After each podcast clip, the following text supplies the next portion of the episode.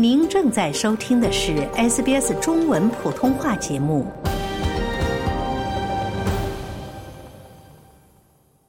听众朋友们，大家好，您现在正在收听的是《闲话澳洲》，我是雨夜。那每当我们走进超市的时候呢，都会发现琳琅满目的面包种类。您是否也会在早餐的时候去享用两片面包呢？那本期的闲话澳洲呢，我们就要和大家来说一说啊，这个日常生活中非常常见的面包之中的一些学问啊，比如说这个面包的形状和大小有什么区别。以及面包的用料有什么讲究？那今天呢，我们还是请到的是特约嘉宾 Helen Louis。Helen 您好，雨您好，听众朋友们大家好。嗯，Helen，那平常日常生活中吃面包的机会会很多吗？呃，我觉得面包呢，对于澳洲人来讲，可能是一个呃 staple 吧，也就是说是要常备的食品，就是每天都可以在日常生活中见到的存在。在英语里，嗯，通常有说法啊，这个东西是 bread and butter，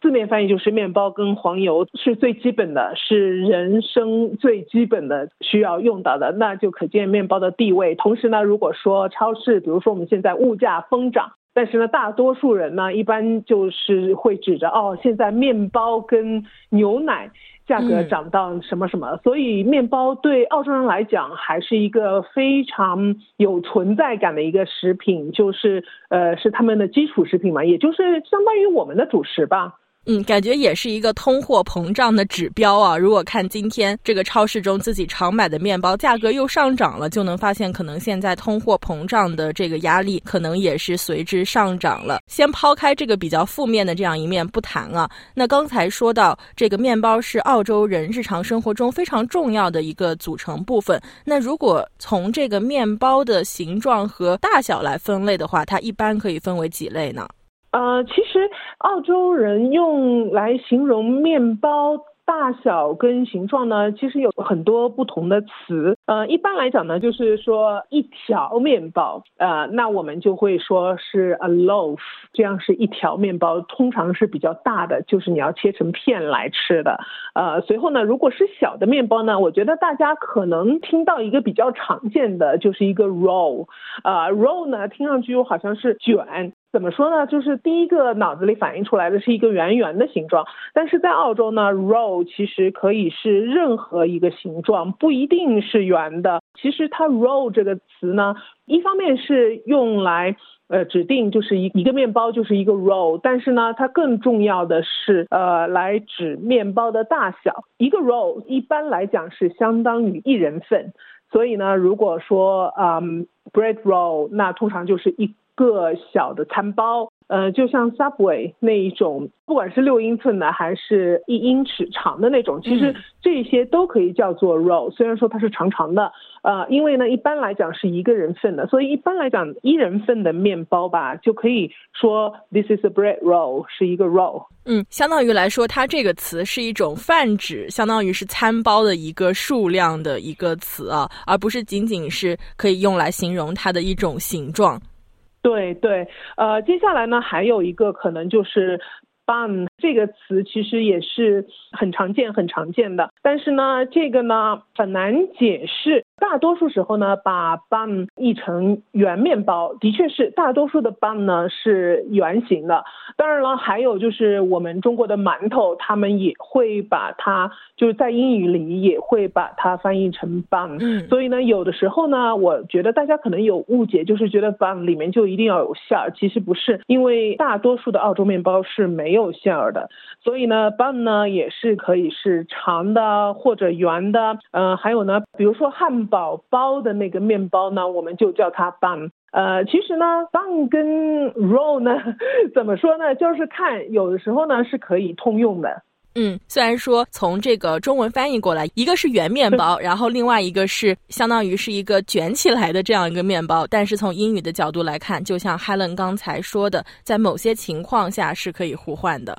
对，呃，再接下来呢，就是刚才其实我们一开始有提到过的一条面包，那个呢叫一个 loaf。如果我们把那个面包切成片呢，那就是一个 slice。随后呢，就是呃，大家也都知道，超市呢都有买三明治面包，它是已经帮你现切片切好的。呃，但是呢，这个一整条还是叫 loaf。loaf 接下来呢，它就是要看 loaf 的形状了。最常见的，我觉得应该是 Vienna loaf 吧，就是维也纳面包。在澳洲呢，嗯，维也纳面包呢，就是比较。长的比较大的那种，随后呢就是自己去切片吃的。还有一种呢，我觉得大家可能其实是很熟悉的，叫 Cob loaf。呃，那个呢就是圆圆的，呃，怎么说呢？就是量词的话，我们说一条面包，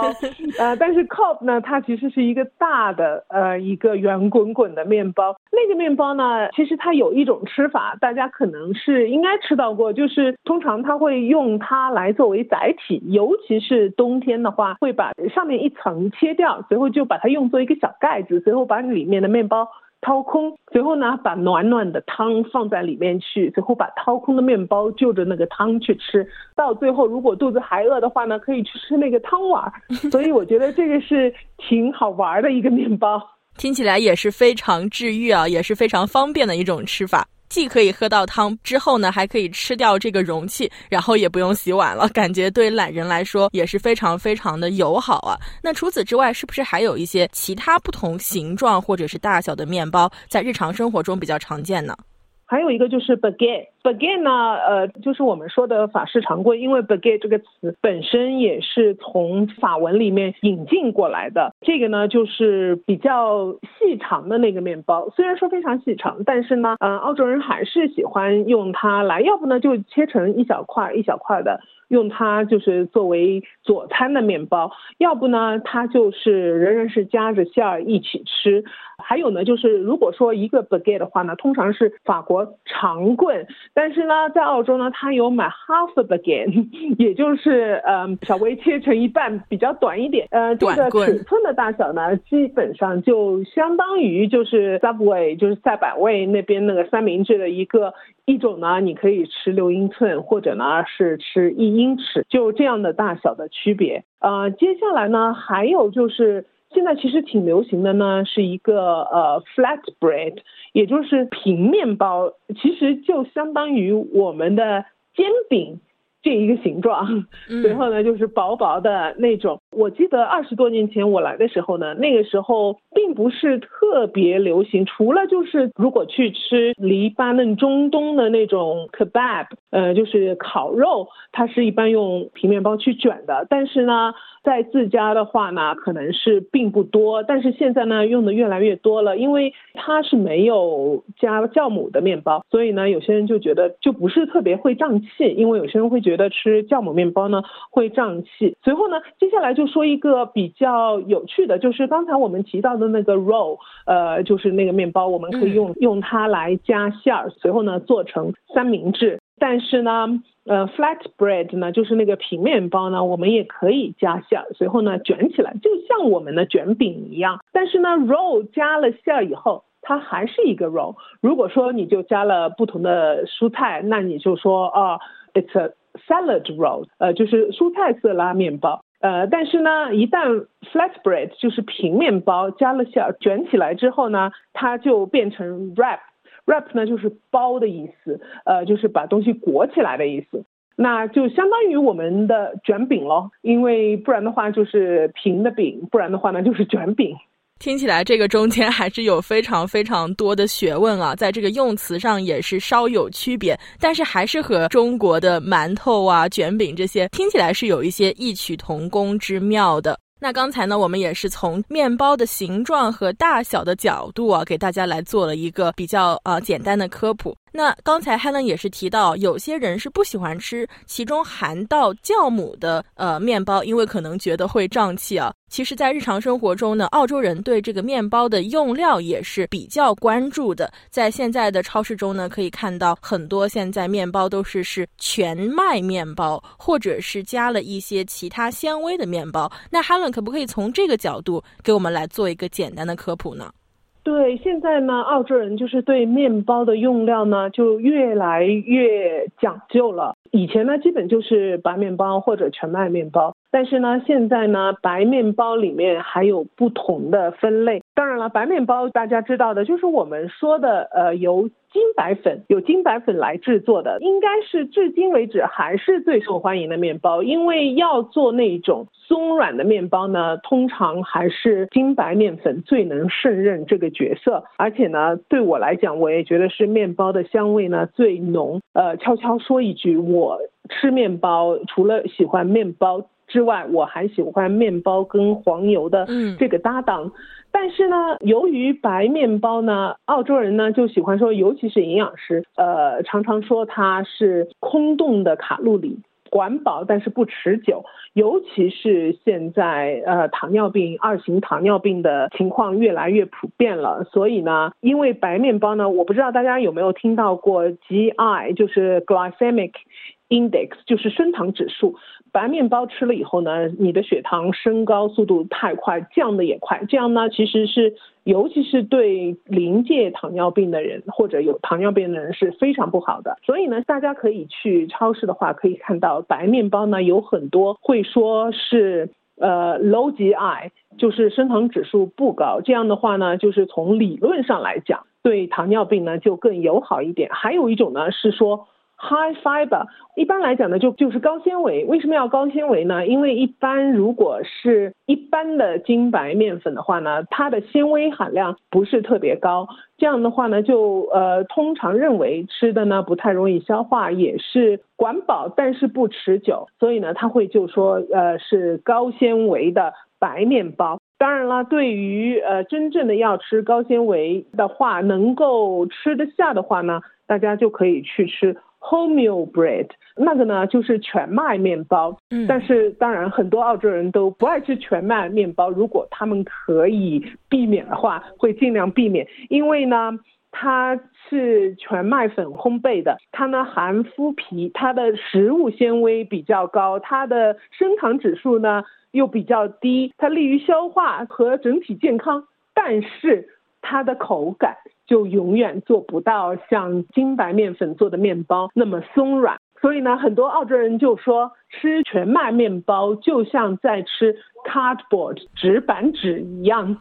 嗯，所以可能在超市中，这个如果只是一个单一的全麦面包，感觉对这个比较在意口感的呃消费者来说，还是并不是非常友好的。呃，我看到现在超市中啊，也是有很多全麦面包之中有添加一些其他的物质，可能是让它的口感变得更加容易接受。那 Helen 是不是也会去选择这样的面包呢？对，呃，我们家呢通常会选就是 multi grain，它呢是全麦，但是呢它里里面又加了各种谷物，呃，这个是呢为了增加营养，同时呢也改善了面包的口感。虽然说它它跟精白面粉做出的面包相比呢，还是没有那么松软，但是呢起码就是让这个口感变得更加有趣，因为它里面会加一些不同的谷物杂粮，所以呢我觉得烤过之后呢是特别香的。所以呢，这个 multi grain 这个面包呢还是可以，呃，我家还是可以接受的。呃，还有呢，就是一个 rye，它叫裸麦，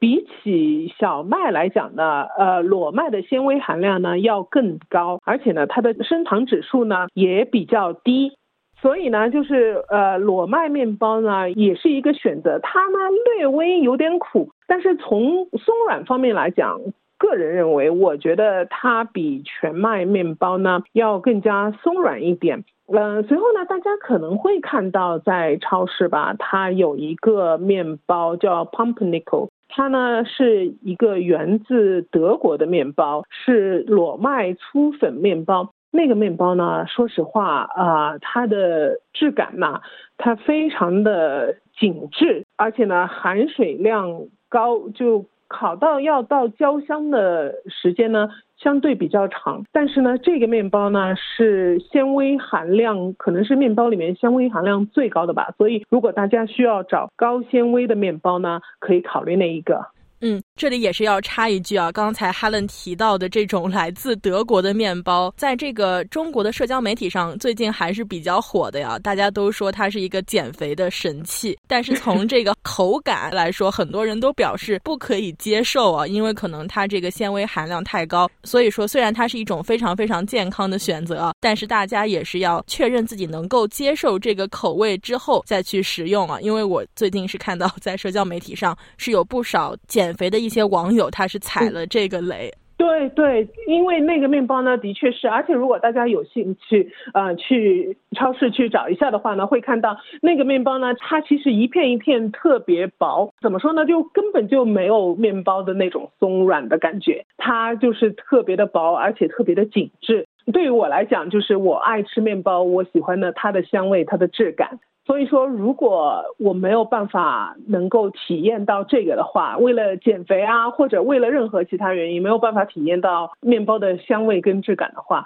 那我可能就选择吃其他的东西了，就没有必要去吃面包了。当然，这只是个人的呃一个偏好吧。最后呢，我想说一下那个其他的呃用来烘焙面包的。那现在呢，还有一个比较常见的一个选择呢，就是无麸质面包，就是 gluten free。因为现在有很多就是人是对麸质是不耐的，所以呢，就是很多人都是呃选择无麸质饮食。含麸质最高的呢，那就是小麦了。所以，呃，面包对他们来讲，一般的面包呢就不能够去食用了。所以呢，现在超市呢也有许多呃无麸质的面包。但是我有一些无麸质的朋友，他们跟我说，那个面包呢，就是他们在呃怎么说呢，迫不得已，真的得吃两片烤面包的时候才会去吃，因为它的口感跟常规的面包呢真的是不一。但是呢，呃，我不知道大家有没有看到过，还有一种。呃，面包是说它是用 spelt，它呢是一种很古老的一个类型的一个小麦。嗯，其实呢它的产量并不是特别大。呃，有的时候大家可能会在超市看到过，就是有那个 spelt，呃，用这一种呃类型的小麦来做的面包。那要看就是对肤质过敏的人。据说有很多人，因为我本身没有这个情况，但是呢，据说有很多人呢，虽然说对一般的小麦会有过敏，但是呢，对 spelt 对这种小麦的耐受力还是比较好的，所以呢，大家可以考虑去试一下，因为那一个呢，就比一般的无麸质面包呢要松软好多。嗯，如果是有这方面需求的听众朋友们，也是可以在超市中去寻找一下，去购买这种面包，做一个尝试，看一看适不适合自己的一个身体的状况。那今天呢，我们也是和大家分享了澳洲的一些关于面包的知识啊，比如说这个面包的形状和大小，以及它们对应的一些英文的词语，再包括在日常生活中超市中常见面包的一些用料。那 Helen，刚才我们提到的这些面包的种类，是不是都是没有甜味的呢？对啊，我觉得我就是在国内长大的，一般来讲，对我们来讲，面包我们爱吃甜的，而且呢，我们爱吃这种奶香味特别浓的。但是呢，在澳洲呢，对他们来讲，一般的面包是没有甜味的，就是他们作为主食来用的面包呢是没有甜味的，因为面包呢只是一个衬托，是你往。面包上抹的黄油、抹的果酱或者抹的其他东西，或者呢，在两片三明治面包里面加的东西，这个呢是主要的。面包呢只是一个衬托，是作为一个主食，就像我们吃饭，我们吃饭一般来讲就是。白米饭，但是呢是菜是主要的，米饭呢只是作为一个衬托。所以呢，澳洲的面包呢很多是没有味道的，是没有甜味的。就是所以，如果还是喜欢甜味有甜味的松软的面包呢，那么华人的面包房可能是最好的选择。嗯，是的。那所以，听众朋友们，今天我们跟大家所说的这些面包啊，都是没有一些甜味的。但是在之后的节目中呢，我们也是。会和 Helen 一起跟大家去分享一些在澳洲超市中可以买到的一些甜的面包。那除此之外呢，大家也可以像 Helen 说的呀，去华人的面包店去选购一些甜味的面包来食用。那今天呢，也是非常感谢 Helen 带来的分享。那在接下来几期的节目之中呢，我们要继续和大家来说一说有关于澳洲面包的话题。好，谢谢语言，谢谢听众朋友。想听到更多这样的故事吗？您可以通过苹果播客、谷歌播客、Spotify。或者您喜爱的方式下载收听。